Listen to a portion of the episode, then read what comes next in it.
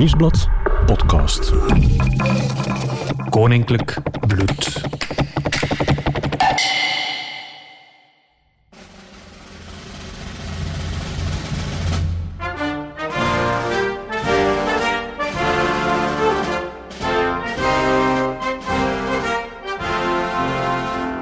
Dit is Koninklijk Bloed, een podcast over koning Filip en zijn bloedverwanten.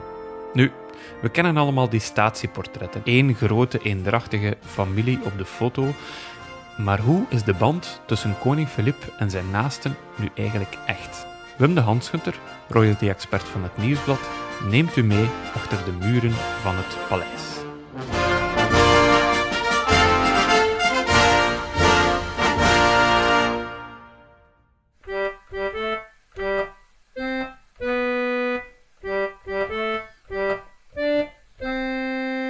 Ja, Wim, dat is hier vanuit mijn contingent een kleine ode, want het is een speciale dag vandaag. De koning wordt 60 jaar vandaag. En als hij naar deze podcast luistert, Bert, en hij hoort jouw Happy Birthday spelen op jouw kinderpiano, dan gaat hij ongetwijfeld vereerd zijn. Dank u, Wim, dank u. Um, nu, we hebben er al even naar uitgekeken, um, maar je hebt het vorige aflevering ook al gezegd. Het is ook voor hem een beetje verjaardag en mineur. Hè. Er is geen feest gepland. Hij zal het vooral met zijn familie moeten vieren. En ik heb mij dat de voorbije dagen ook al afgevraagd, van ja, hoe, hoe zou je daar je dagen vullen als je hele dagen eigenlijk vastzit in het paleis? Ik ga je moeten verbeteren, Bert, want uh, koning Filip en koningin Mathilde zitten niet in het koninklijk paleis, dat is in Brussel. En dat is eigenlijk wel een officiële werkplek, maar daar komen ze niet meer, want Filip en Mathilde die maken ook geen niet-essentiële verplaatsingen niet meer. Dus ze zijn thuis in het kasteel van Laken en daar zetten ze eigenlijk hun uh, werk voort. Ze hebben heel veel Skype Skype-meetingen en telefoongesprekken, bijvoorbeeld met hun eigen medewerkers, maar ook met wetenschappers, met hulpverleners in ziekenhuizen, met uh, uh, rusthuisbewoners en het personeel daar. Koningin Mathilde heeft ook de kinderen toegesproken in een videoboodschap en ze heeft hen voorgesteld, begin een dagboek in deze coronatijden. Pourquoi ne pas écrire un journal où vous écrivez ce que vous faites, vos émotions, ze stelt voor dat kinderen um, um, op papier zetten wat ze die dag hebben meegemaakt, welke emoties dat ze hebben doorgemaakt. En op die manier uh, wil ze dat kinderen dat over x aantal jaren teruglezen en dan zich realiseren van oké, okay, we hebben een heel moeilijke periode doorgemaakt, maar we zijn daar op een, uh, ja, op een positieve manier uitgekomen en daar kunnen ze zich aan optrekken, veel later dan. Ja, je haalt daar al aan. Koningin Mathilde, over haar zal het gaan uh, in deze aflevering. En ik moet zeggen, ik denk dat het een beetje mijn favoriete aflevering zal zijn. Want ja, je weet, ik ben een beetje een romanticus. En het was toch een fantastisch verhaal. Hoe Mathilde ten tonele verscheen. Ja, ze was er opeens. Hè. Het leek alsof dat ze uit de hemel kwam nedergedaald. Maar het grote mysterie is, waar kwam ze vandaan? Waar heeft Philippe haar leren kennen?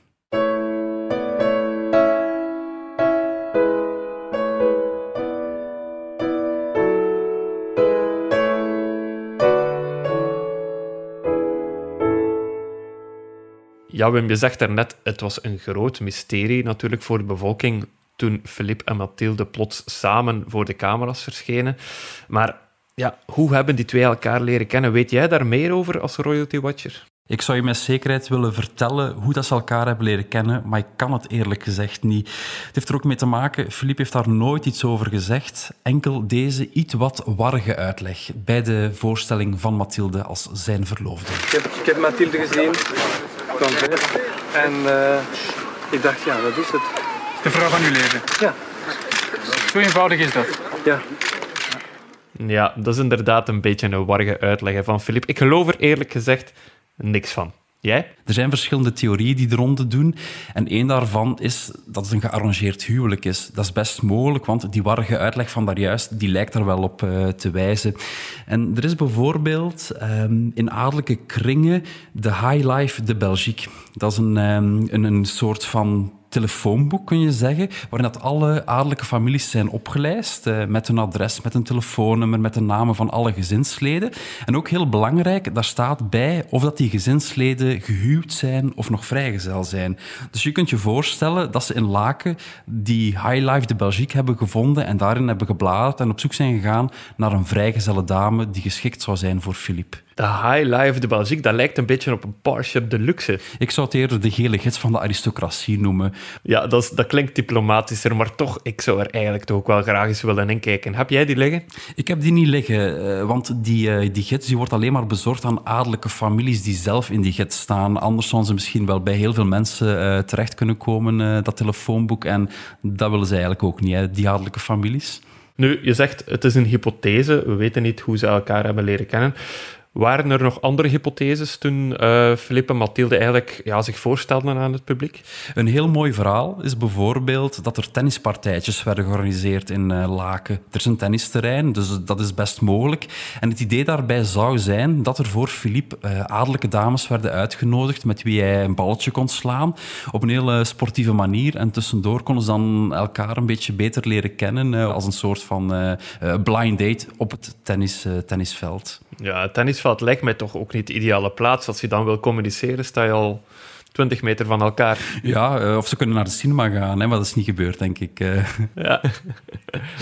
Oké. Nu, ehm, eh, je sprak daarnet van een gearrangeerd huwelijk. Ehm, ja, in de vorige afleveringen hebben we natuurlijk eh, het verhaal van Boudewijn en Fabiola gehoord, die elkaar ontmoet hebben via de tussenkomst van de kardinaal, van de Ierse non. Weten we eigenlijk of er eh, bij Mathilde en Philippe een soort ja, eh, goddelijke tussenkomst is gebeurd? Een theorie is dat aartsbisschop eh, Leonard of kardinaal Daneels als tussenpersoon heeft eh, gefungeerd. Eh, we weten dat Daneels heel vaak in Laken over de vloer kwam, dat hij een eh, vertrouwensfiguur was van de koninklijke familie. Een andere theorie is dat er een adellijk feestje was in het kasteel van Belleuil. En eh, dat is volgens eh, veel royalty watchers het verhaal dat het daar is gebeurd, dat het toch op een spontane manier is gebeurd. Dat Philippe misschien van ver inderdaad eh, Mathilde heeft gezien, op haar is afgestapt en dat niemand haar aan hem heeft voorgesteld. En dat zijn warge uitleg toch waar is.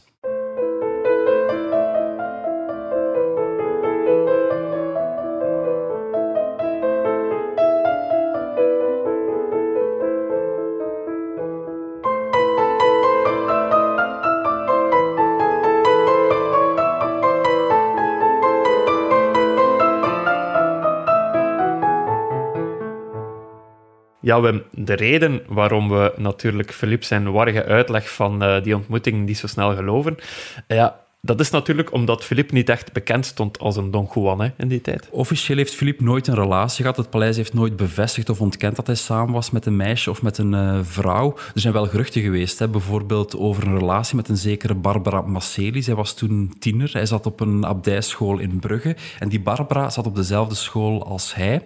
Eh, dat was de dochter van een veevoederfabrikant uit uh. En het was een heel mooi meisje alleszins. Ja, en hoe oud was zij, Barbara Macelis? Uh, Barbara was twee jaar jonger dan hij, maar ze was veel volwassener in haar houding, in haar, uh, in haar doen. Het was echt een meisje van de wereld.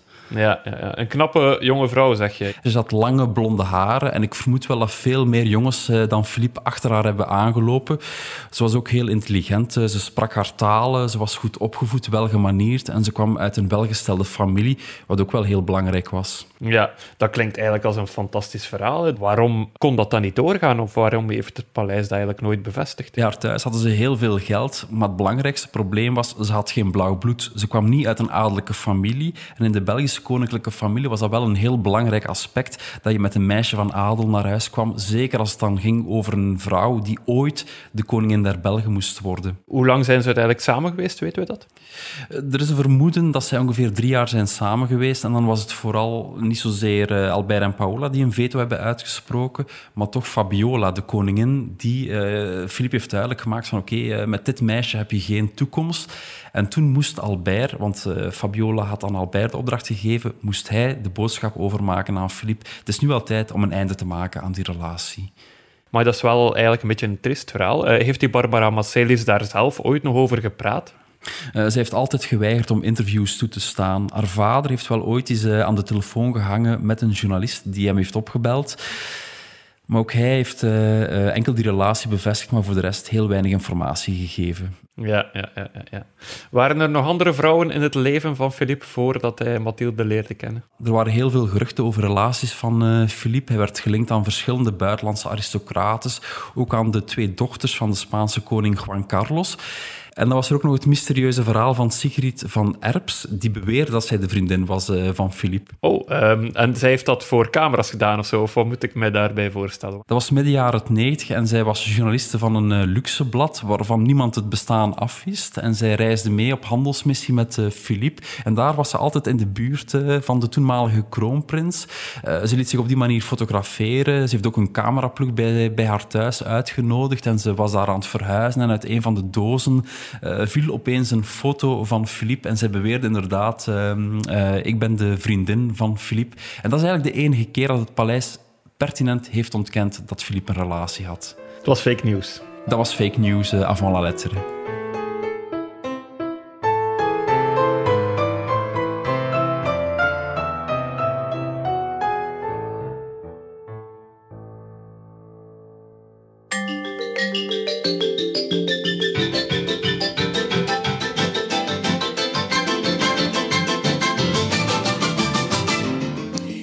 Het journaal van 7 uur. Dit zijn de hoofdpunten.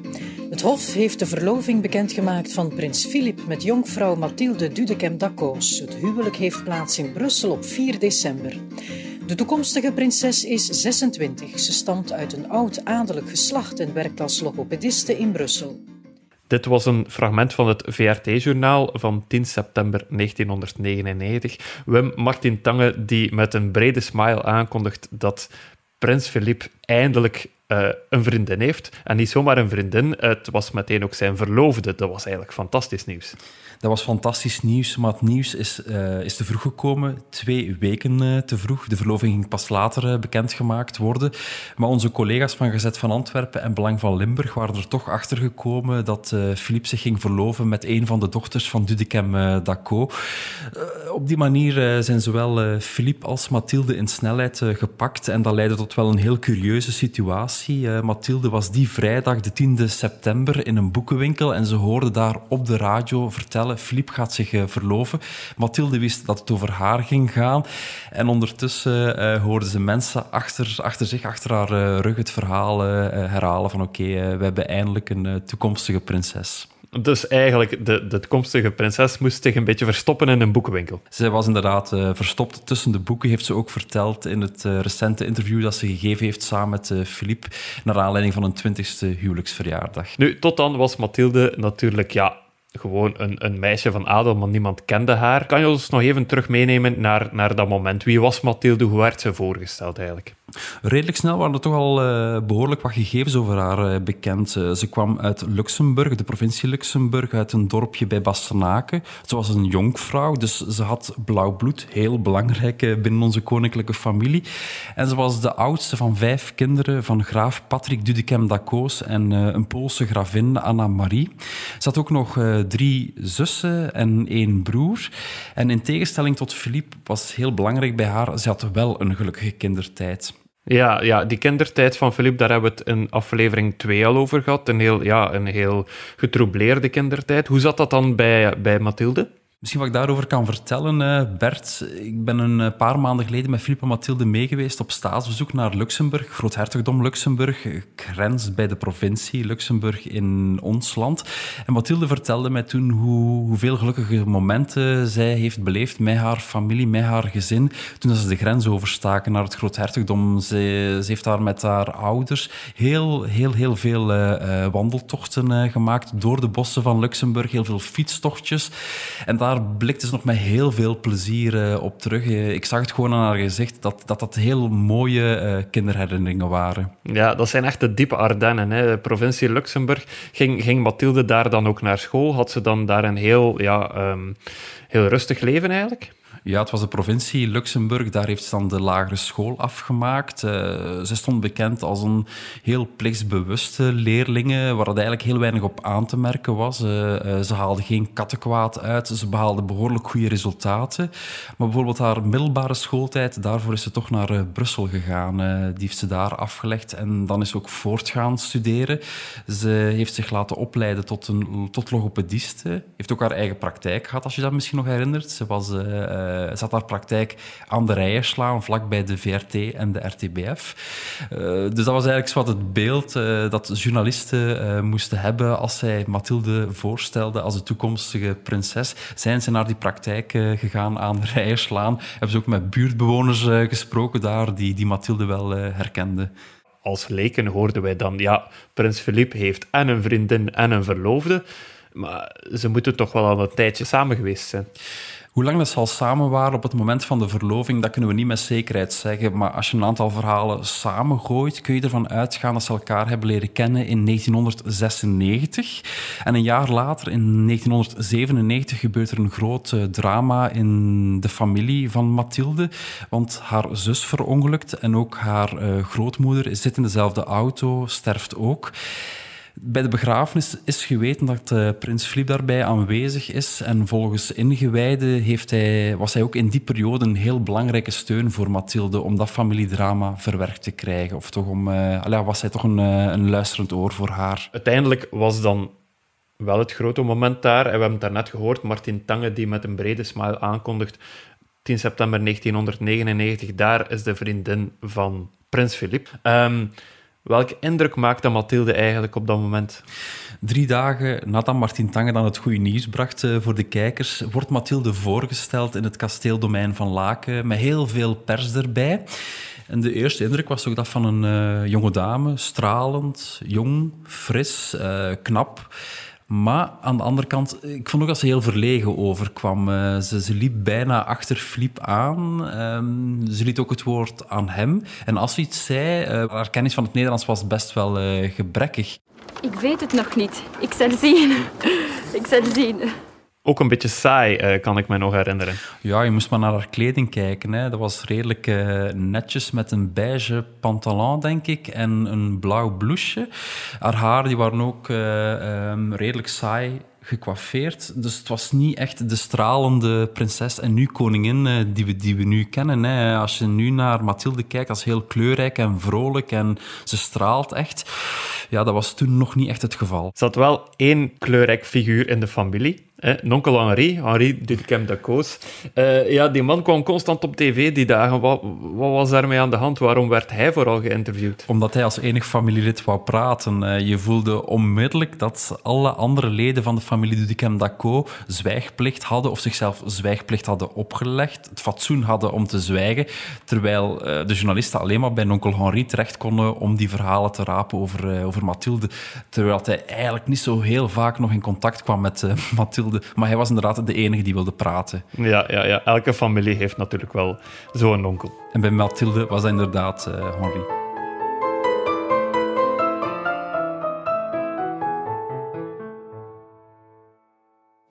Ik neem jou tot mijn echtgenote. Ik beloof je lief te hebben tot de dood ons scheidt.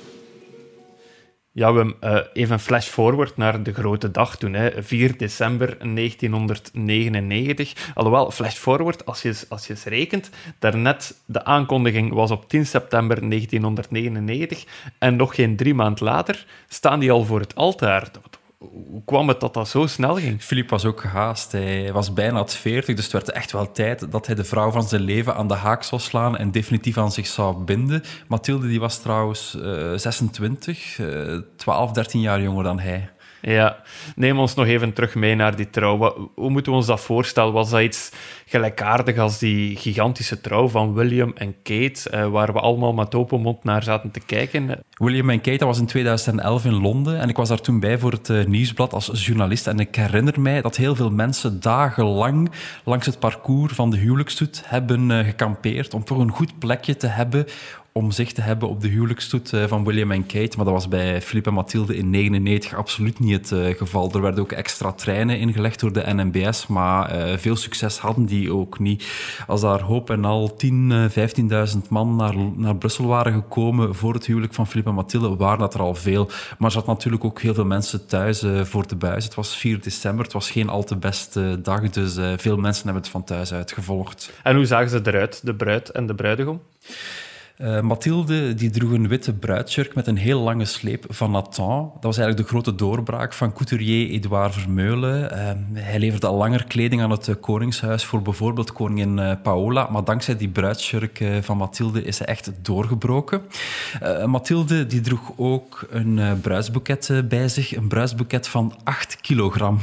8 kilogram. Heeft ze daar, heeft ze daar powertraining voor moeten doen? Ze heeft eh? daar heel hard voor moeten zweten. Eh, want uh, koning Filip en koningin Mathilde hebben enkele maanden geleden een tv-interview gegeven naar aanleiding van een 20ste huwelijksverjaardag.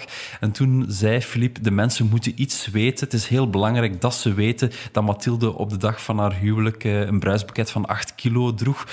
Om dan toch maar al eens duidelijk te maken van hoe, um, ja, hoe akelig perfect zij was. Hè? Hoe, hoe hard dat zij dit heeft doorstaan. Want ze droeg bijvoorbeeld ook een tiara, een diadeem op haar hoofd. En die waren met spelden uh, in haar kapsel verweven.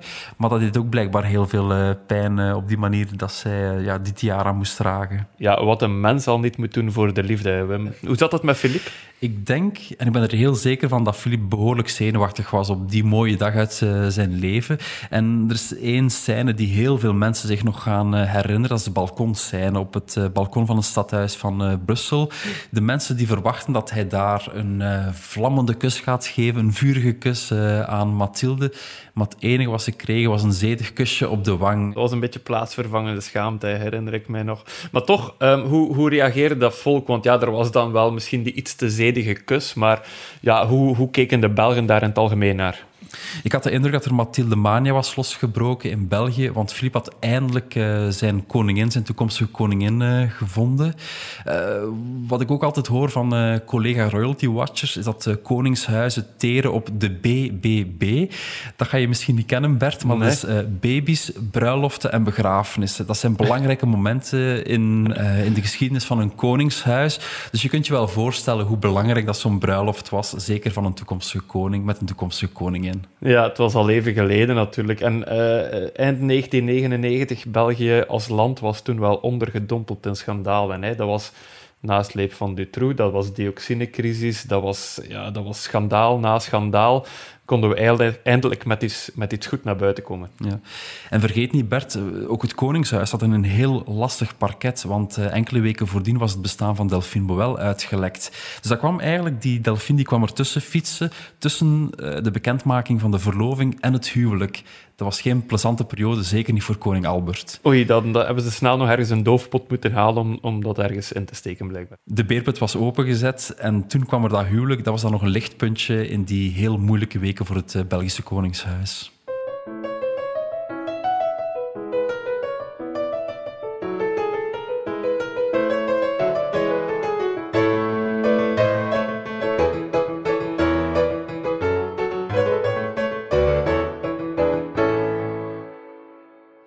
Ja, je sprak daarnet over een zekere Mathilde Mania. Um, ja, hoe uitte zich dat eigenlijk? Na de bekendmaking van de verloving en ook na het huwelijk nog altijd werden blijde intredes georganiseerd in het land. Dus in elke provincie kwamen Philippe en Mathilde langs om zich voor te stellen, zeker eh, Mathilde voor te stellen aan het uh, grote publiek. En er was meteen heel veel uh, publieke belangstelling. De media hadden er ook heel veel aandacht voor. En je merkte gewoon dat Mathilde meteen het populairste lid van het Koningshuis was geworden. Je gaat dat bijna niet meer geloven, maar vroeger was dat prinses Astrid. Die is nu helemaal ah. weggedemsterd aan het hof. Volledig uit de picture, ja, ja. Inderdaad. En opeens was Mathilde daar als de grote ster van de koninklijke familie. En ook de invloed op Filip was er meteen. Hè. Eh, er was opeens heel veel aandacht voor zijn publieke optredens, want Mathilde was er altijd bij. Ja. En zag je Filip zelf veranderen daardoor? Um, je voelde wel dat Philippe veranderd was. Uh, hij heeft altijd zijn werk alleen moeten doen. En op dat moment uh, had hij een sterke vrouw uh, naast zich. Iemand die hem ondersteunde. Iemand, iemand die hem beter maakte. Dus ehm, ja, ook, ook, voor hem was het belangrijk dat hij nu met tweeën dit, die, die zware job kon uitoefenen. Ja, ja, ja, het is toch opvallend, hè? want daarnet um, ja, schets je het beeld van, van Mathilde als ja, de ideale schoondochter, zeg maar. Het, het, een heel braaf um, voorzichtig meisje dat toch wat schuchter was bij haar, bij haar, eerste, um, bij haar eerste indrukken. Waarom was Mathilde dan toch de ideale prinses voor België? Omdat ze toch wel heel veel kwaliteiten in zich heeft. Ik maak Mathilde nu al tien jaar van heel dichtbij mee. Ik, uh, ik ga geregeld met haar en met uh, op, op staatsbezoek of op een officiële reis. En ik kan dan met haar uh, praten, kan haar ook bezig zien. En wat me daarbij heel hard opvalt, is hoe empathisch dat Mathilde is. Uiteindelijk, zij heeft wel haar voorgeschiedenis als logopediste. Een job die zij heeft moeten stoppen toen als zij prinses werd. ze heeft ook na haar huwelijk heeft zij nog voortgestudeerd om een diploma psycho psychologe uh, te behalen. En die kwaliteiten uit haar vorige werk uh, kan zij nu als, als prinses, als koningin gebruiken. Ze heeft bijvoorbeeld ooit gezegd, we hebben twee oren en één mond. Het is veel belangrijker om te luisteren dan te praten. Dus dat empathisch vermogen, ja. dat heeft ze wel. Ja, Mahatma Gandhi had het uh, kunnen zeggen eigenlijk. Nu, um, verschilt ze op een bepaalde manier van Philippe dan in die omgang? Ja, dat is heel duidelijk. Hè. Waar je bijvoorbeeld aan merkt, eh, als, als journalisten vliegen we samen met Filip en Mathilde mee als we op staatsbezoek gaan in hetzelfde regeringsvliegtuig. En het is de gewoonte dat Filip en Mathilde tijdens de heenvlucht een rondje doen in het vliegtuig. Ze gaan een babbeltje slaan, ook met de academici en met de zakenlui die meereizen. En dan Philippe, dat rondje is bijna, ja, dat is op heel korte tijd is dat afgerond. Um, is, is heel introvert, uh, kan moeilijk een gesprek gaande houden. En Mathilde, die doet er volgens mij drie keer of vier keer langer over uh, om met iedereen uh, te praten. Ja, dat is wel interessant. Hoe moet ik mij dat eigenlijk voorstellen, zo'n zo'n trip? Want kom je daar dan echt dichtbij? Kan je eigenlijk met Mathilde en Philippe informele babbels voeren?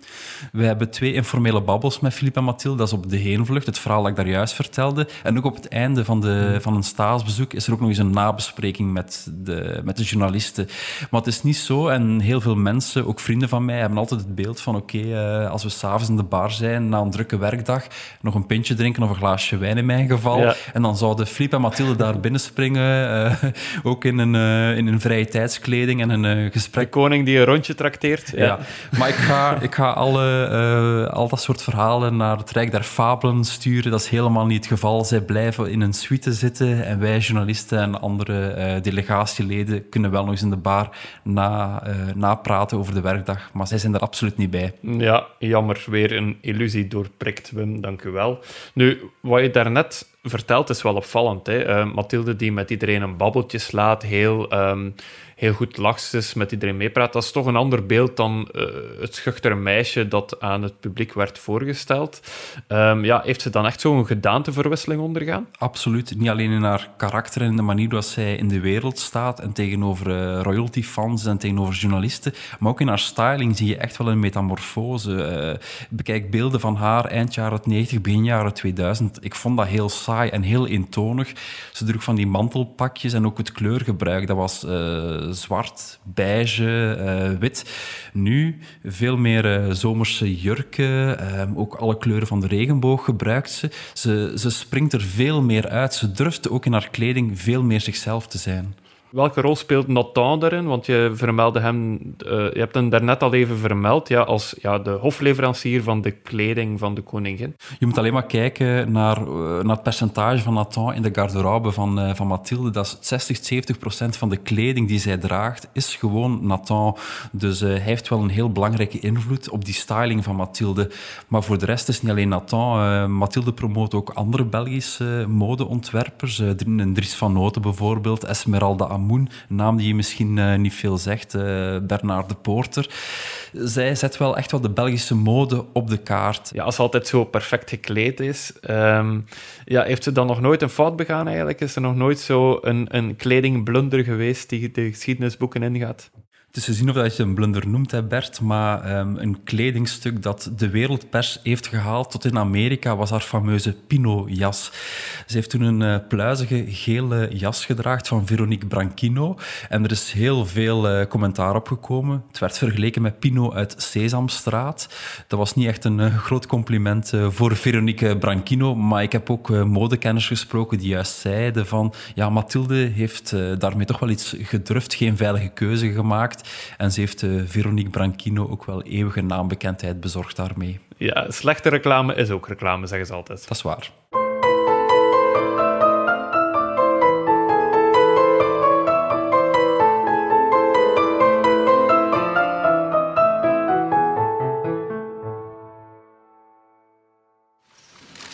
Ik zweer dat ik de grondwet en de wetten van het Belgische volk zal naleven. Slans onafhankelijkheid handhaven en het grondgebied ongeschonden bewaren. Ja, we, we hebben het nu heel de tijd gehad over prinses Mathilde, maar er was natuurlijk het grote moment, 21 juli 2013, waarop ze koningin werd. We hebben eh, het in de vorige aflevering het al gehad over, um, over Philippe, die uh, ja, de bevrijde koning was uh, op, op dat moment. Ja, hoe, was dat, hoe zat dat eigenlijk met Mathilde? Hoe heeft hij die dag beleefd? Van iedereen die daar in het parlement in Brussel aanwezig was bij de troonsbestijging van Philippe, was ongetwijfeld Mathilde degene die het alle, allemaal het meest intens en emotioneel heeft meegemaakt. En er is een detail dat mij is bijgebleven. Eigenlijk een heel belangrijk uh, detail.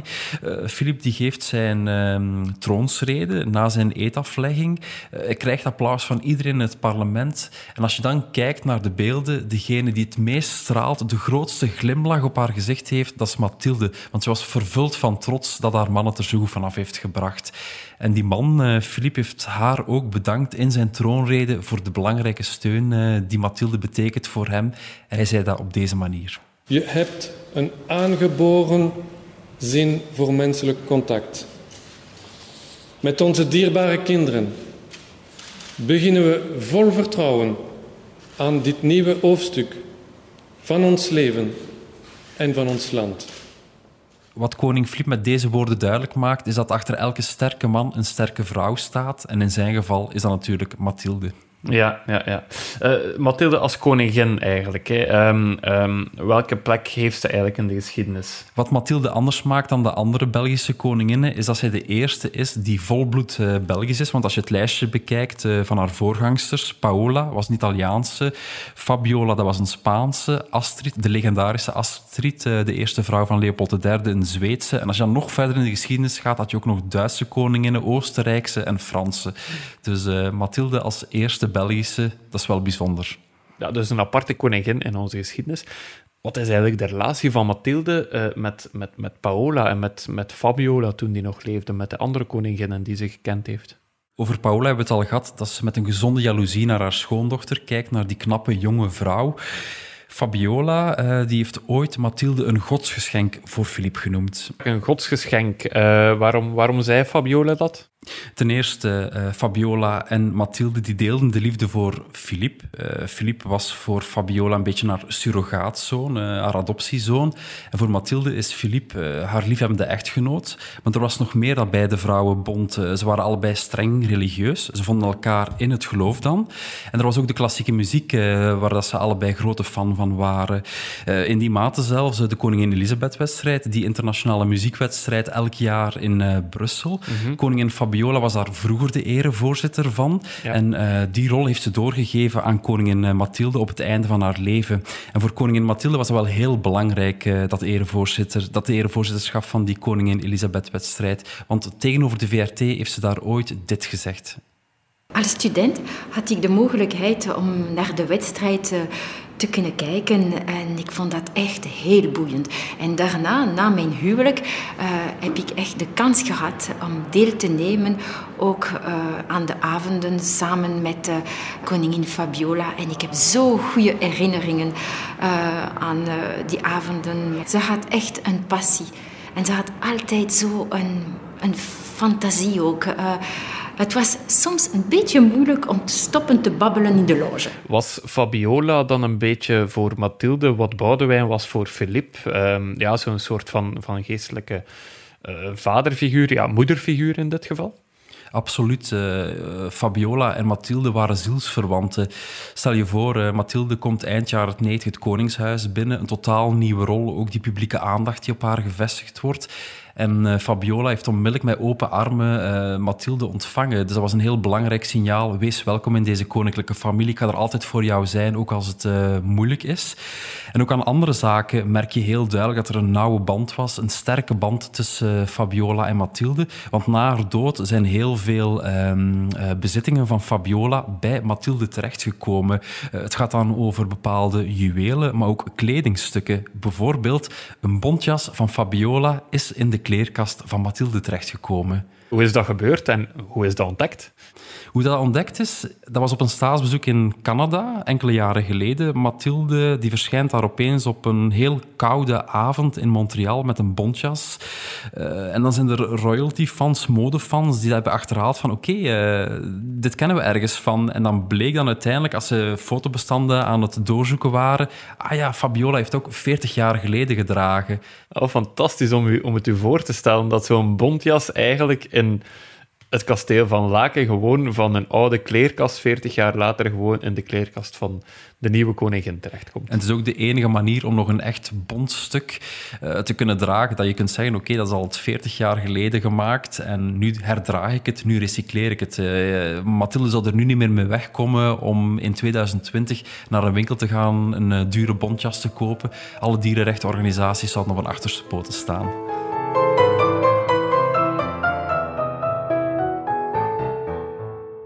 Ja, zo treedt ze toch eigenlijk een beetje in de voetsporen van, van koningin Fabiola. Alleen um, vraag ik me dan af, ja, het is, het is 2020 uh, vandaag. Um, koningin zijn nu is iets heel anders dan koningin zijn in de jaren 70, 80, 90. Um, ja, wat, wat, wordt er eigenlijk nog verwacht van Mathilde? Is het niet louter een ceremoniële functie waarbij ze vooral ergens aanwezig moet zijn, een paar lintjes knippen? In de grondwet staat er niks, maar dan ook niks over de rol van een koningin, hoe dat die moet ingevuld worden. Er is geen handleiding van dit, dit en dit moet je doen. Dus is elke koningin die het op haar manier invult. En voor uh, Mathilde is het belangrijk, of de thema's die zij belangrijk uh, vindt, dat zijn vrouwenrecht, onderwijs, uh, psychologische gezondheidszorg. Dat zijn de accenten die zij legt. Die sociale bevlogenheid, van waar komt die eigenlijk? Is, is dat iets wat ze gewoon ja, zichzelf heeft opgelegd als koningin, waarvan dat ze ziet als een verplichting? Of of is het al veel vroeger ontstaan?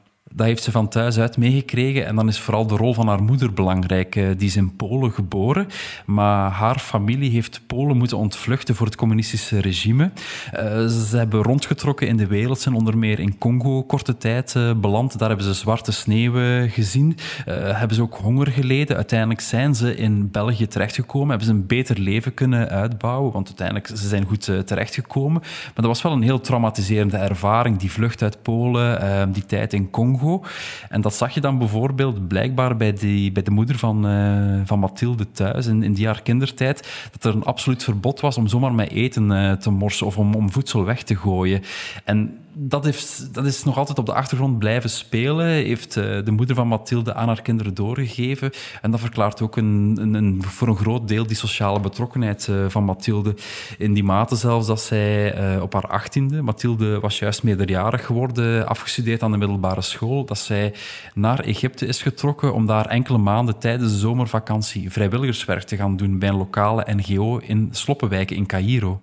Amai, even op haar achttiende zeggen: Mama, papa, ik ben weg, ik ga naar de sloppenwijken van Cairo.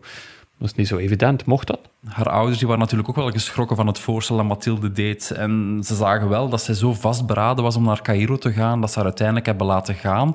Uh, Mathilde had ook beslist van ik ga alleen gaan, ik ga geen uh, vriend of vriendin meenemen, want op die manier uh, kan ik me wel openstellen voor alle mensen daar en ga ik me niet afzonderen met die ene vriend of vriendin.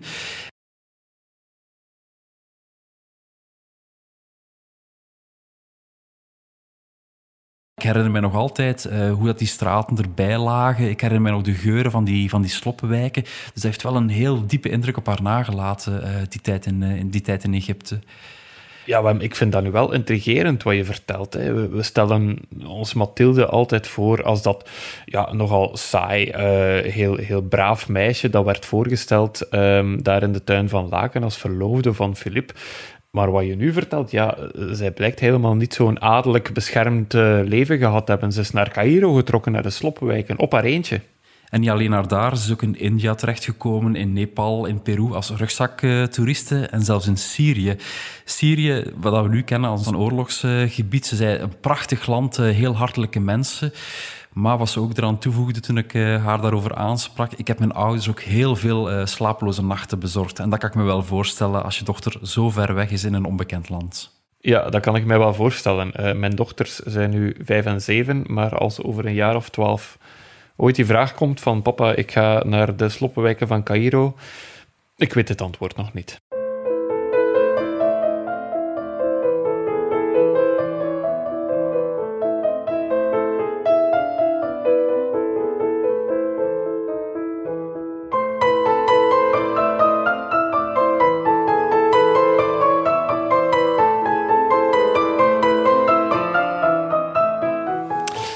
We zijn hier op het einde van de podcast gekomen en uh, dan keren we traditioneel uh, even terug naar de vraag van in het begin. Hè. Hoe staat het nu eigenlijk met de relatie tussen Mathilde en Filip? Uh, ja, hebben die twee eigenlijk een gelukkig huwelijk? Uh, dat is nu een vraag die ik heel vaak krijg. En ik vind het eigenlijk een beetje een gekke vraag. Als we naar Willem-Alexander kijken en Maxima in Nederland, stelt niemand zich die vraag, omdat je ziet dat dat een gelukkig koppel is. Philippe en Mathilde zijn gewoon een beetje gereserveerder. Willem-Alexander en uh, Maxima, die hangen veel meer aan elkaar, zijn iets passioneler. Dus uh, dat is natuurlijk een, een, belangrijk verschil in een persoonlijkheid. Waarom dat veel mensen denken dat het huwelijk van Philippe en Mathilde niet zo gelukkig is, is omdat ze zich nog herinneren wat er in 2012 is geschreven. Toen is er een schandaalboek gepubliceerd door uh, Frederik de Borsu, dat is de broer van Christophe de Borsu, uh, die bekende Franstalige journalist. En die heeft toen heel nadrukkelijk op papier gezet dat huwelijk van Philippe en Mathilde, dat was gearrangeerd. En dat kan misschien wel nog in het achterhoofd van veel mensen spelen. Ja, hoe heeft het Koningshuis daarop gereageerd? Heeft Filip daarop gereageerd? Filip heeft toen een eh, persmededeling uitgestuurd en dat was wel heel uitzonderlijk. Normaal gezien aantijgingen die in de media verschijnen of in boeken, dat laat hij over zich heen gaan. En er is in het verleden al heel veel negatief over hem uh, geschreven. Ook heel veel uh, verhalen die niet waar zijn. Maar toen heeft hij toch wel één keer een persbericht uitgestuurd en toen heeft hij letterlijk geschreven, ik heb het hier nu bij mij nog liggen. De dag dat Mathilde ja zei op mijn vraag om te trouwen, was de gelukkigste dag van mijn leven. Sinds die dag heeft ons huwelijk ons vier kinderen geschonken die we met liefde omringen, liefde die ze ons met overvloed teruggeven. Ja, dat is wel duidelijk. Dus als het over zijn vrouw gaat en over zijn familie, dan staat Filip wel op zijn strepen. Hè. Um, heeft hij zelf ooit gezegd van hoe hij ja, dat huwelijk ziet met, uh, met, met Mathilde? Heeft al geregeld uitspraken daarover gedaan, maar misschien leuk om in deze podcast nog even aan te halen. Uh, vorig jaar heeft hij voor zijn verjaardag Philippe Geubels uitgenodigd op het Koninklijk Paleis, want Philippe Geubels, de komiek, en Philippe de Koning, die verjaren op dezelfde dag, op 15 april. En toen uh, voor één, uh, voor de tv-zender, heeft Philippe Geubels koning Philippe kunnen interviewen. En hij heeft heel expliciet gevraagd hoe dat de relatie was tussen Philippe en Mathilde. Moet ik dat eigenlijk zeggen? De prinses of zeg de Mathilde? Of... De koningin. De koningin, sorry, ja. Mm. Dus de koningin, zijn jullie veel samen? Of, of worden die taken echt van, doen, dat is meer iets voor de koningin en dat is meer iets voor de koning? Ja, het is een beetje zo. Maar we werken ook in team, hè. Ja. Intiem en een team. Amai, fantastisch. Intiem en intiem. Ook dat had Mahatma Gandhi kunnen uitvinden. Nu, Wim, we weten wel dat de volgende aflevering van uh, deze podcast iets minder harmonieus zal zijn, want die gaat over de relatie van um, koning Filip met zijn broer en zijn zussen, halfzus. Uh, dus um, ja, dat gaat over prins Laurent, over Delphine Boel, over prinses Astrid. Uh, daar kijk ik al naar uit eigenlijk. Er is heel veel gebeurd in die familie van, van Philippe, dus er valt nog heel veel te vertellen over de relaties. Voor u, beste luisteraar, maak ik uh, graag nog eens reclame voor onze andere podcasts in ons podcastkanaal van het Nieuwsblad. Dat is natuurlijk uh, de Shotcast. Die blijft gewoon doorlopen, ook al uh, is de competitie gestopt. Guillaume, Lars en Gert die blijven voetballers opbellen met Skype. En daarnaast, als u nog even in, ons archief wilt duiken, is er ook nog de koerses van ons en de stemmen van Assise.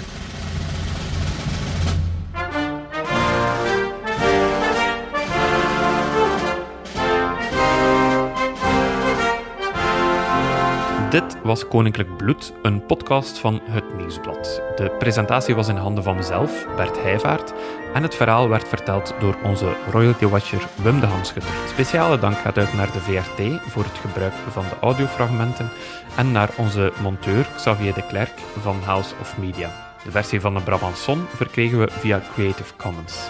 En de eindredactie van deze podcast was in handen van Eva Migon.